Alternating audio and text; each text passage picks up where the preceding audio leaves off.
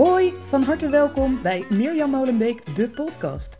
Wil jij van jouw liefde voor handwerk een succesvol bedrijf maken, maar heb je beperkende overtuigingen? Denk je dat er in handwerk geen bedroogbrood te verdienen is? Dan heb je het mooi mis. En ik ga jou in deze podcast laten horen waarom je dat bedrijf zeker kan starten of hoe je dat bedrijf kan laten groeien tot het punt waar jij het wil hebben. Heel veel plezier met deze tips.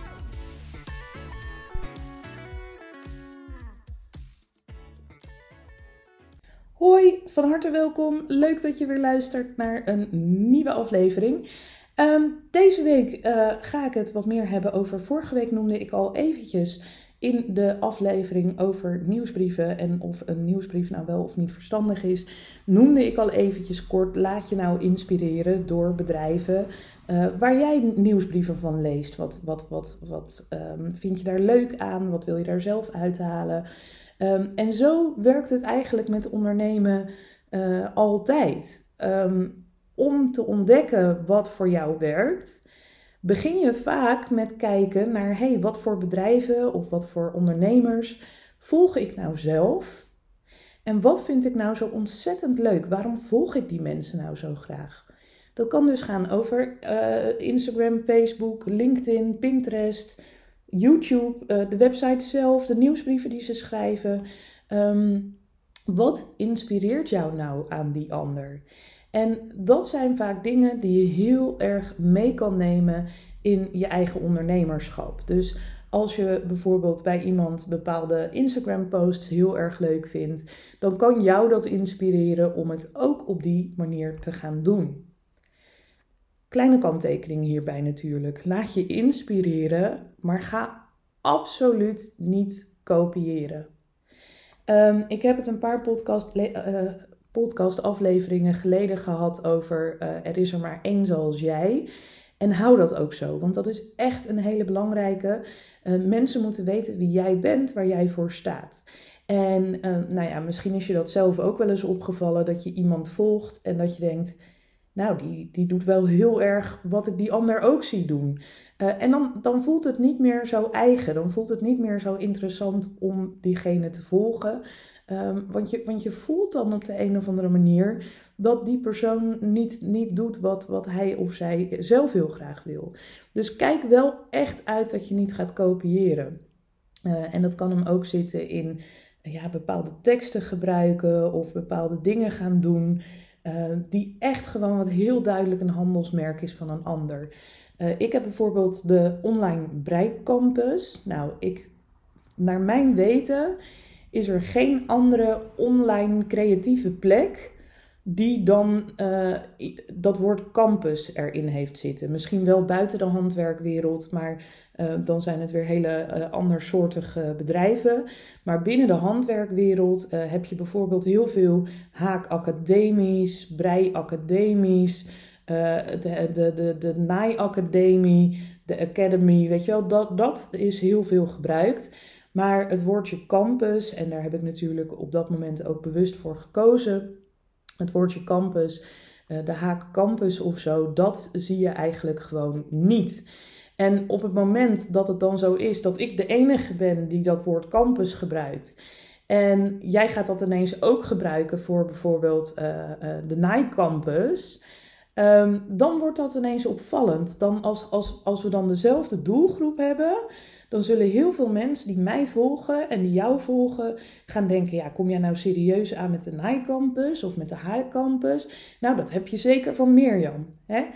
Op het moment dat er daar heel veel van gaan ontstaan, is dat probleem tussen aanhalingstekens natuurlijk weer weg. Zo zie je bij de Haak Academie, dat woord academie wordt echt heel erg veel gebruikt. Dat is dus niet meer echt een bepaald handelsmerk van iemand. Hoop dat je daarmee begrijpt wat ik bedoel. Je hebt wel eens van die YouTubers die je kijkt of van die uh, mensen die je volgt op Instagram, dat als je maar iets van een thumbnail of een foto voorbij ziet komen, dan weet je gelijk, oh, dat is die en die. En wat er ook kan gebeuren, is dat je ineens een foto of een thumbnail van iemand voorbij ziet komen, dat je denkt, huh, is dat nou die en die? Of is dat iemand die diegene heel erg graag na wil doen? Kijk daar dus echt voor uit. Laat je wel inspireren. Dus ga eens kijken. Hè? Je hebt zelf al een eigen stijl. en dat is helemaal oké. maar je kunt natuurlijk wel gaan kijken van nou, als ik bijvoorbeeld ehm, een, een bepaald magazine van iemand lees ja, ik, ik had altijd, ik volgde dus iemand die haalde bijvoorbeeld altijd de allerhande aan van de Albert Heijn. Dat is iets wat, nou ja, zelf eh, bestellen wij tegenwoordig de boodschappen. Maar ik weet wel dat het heel lang zo was dat we dan naar de Albert Heijn gingen om boodschappen te doen. En voordat je überhaupt naar de, winkel in kan, staat daar een hele paal vol met allerhandes. En dat, dat was gewoon echt een leuk magazine. Dat, dat wilde je vast hebben. Um, omdat daar niet alleen maar in stond: koop nu dit, koop nu dat. Maar er stonden gewoon hele leuke recepten in. En leuke artikelen over het verhaal achter de producten. Het ging allemaal over de producten van Albert Heijn. Maar zonder dat je gelijk dacht: van oké, ik moet nu kopen, kopen, kopen. Uh, je kon daar recepten uitknippen en bewaren. Um, was gewoon een heel leuk, of is nog steeds een heel leuk magazine. Wat je gewoon gratis mee kan nemen. Nou, mij heeft dat bijvoorbeeld doen inspireren van: oh ja, zo'n nieuwsbrief die kan ik ook wat meer. Dan kan ik ook wat meer, nou ja, ik hoef dan geen recepten te delen, maar bijvoorbeeld wel leuke breipatronen of een leuk blog van iemand of iets wat ik laatst ergens tegen ben gekomen waarvan ik denk, ja, iedereen die breidt, die heeft hier iets aan. Uh, en dan ga ik dat delen in mijn nieuwsbrief. Dus op die manier kun je je laten inspireren. Kijk ook eens waarom je bepaalde nieuwsbrieven heel graag leest en waarom niet. Dat betekent vaak dat dat ook jouw stijl is. Ehm, ik heb bijvoorbeeld ook wel eens dat iemand zegt: Oh ja, je moet echt dat account van die en die volgen. En ik vind er dan helemaal niet zo heel erg veel aan. En dat betekent dus, dan zou ik kunnen denken: ja, maar al die andere mensen vinden dat een heel leuk account. Dus misschien moet ik ook meer gaan doen van wat dat account doet. Maar het feit dat ik dat account niet zo leuk vind, betekent dat het ook niet bij mij past en niet van mij is. Dus laat het dan vooral ook lekker liggen. Ehm, ik vergelijk het altijd een beetje met uh, als je vroeger op school of tijdens je studie een, een werkstuk of een, rapport of iets moest schrijven. Um, je verzint niet alles zelf. Dus als je op de uh, basisschool een uh, werkstuk moest schrijven over draken dan, uh, of over dinosaurussen, dan ging je natuurlijk niet zelf al die, die kennis verzinnen. Dat gaat niet. Je, kunt niet. je weet zelf niet alles over dinosaurussen. Daar moet je artikelen over opzoeken. Nou, uit die artikelen haal je inspiratie en daar schrijf je vervolgens in je eigen woorden een werkstuk of een paper over.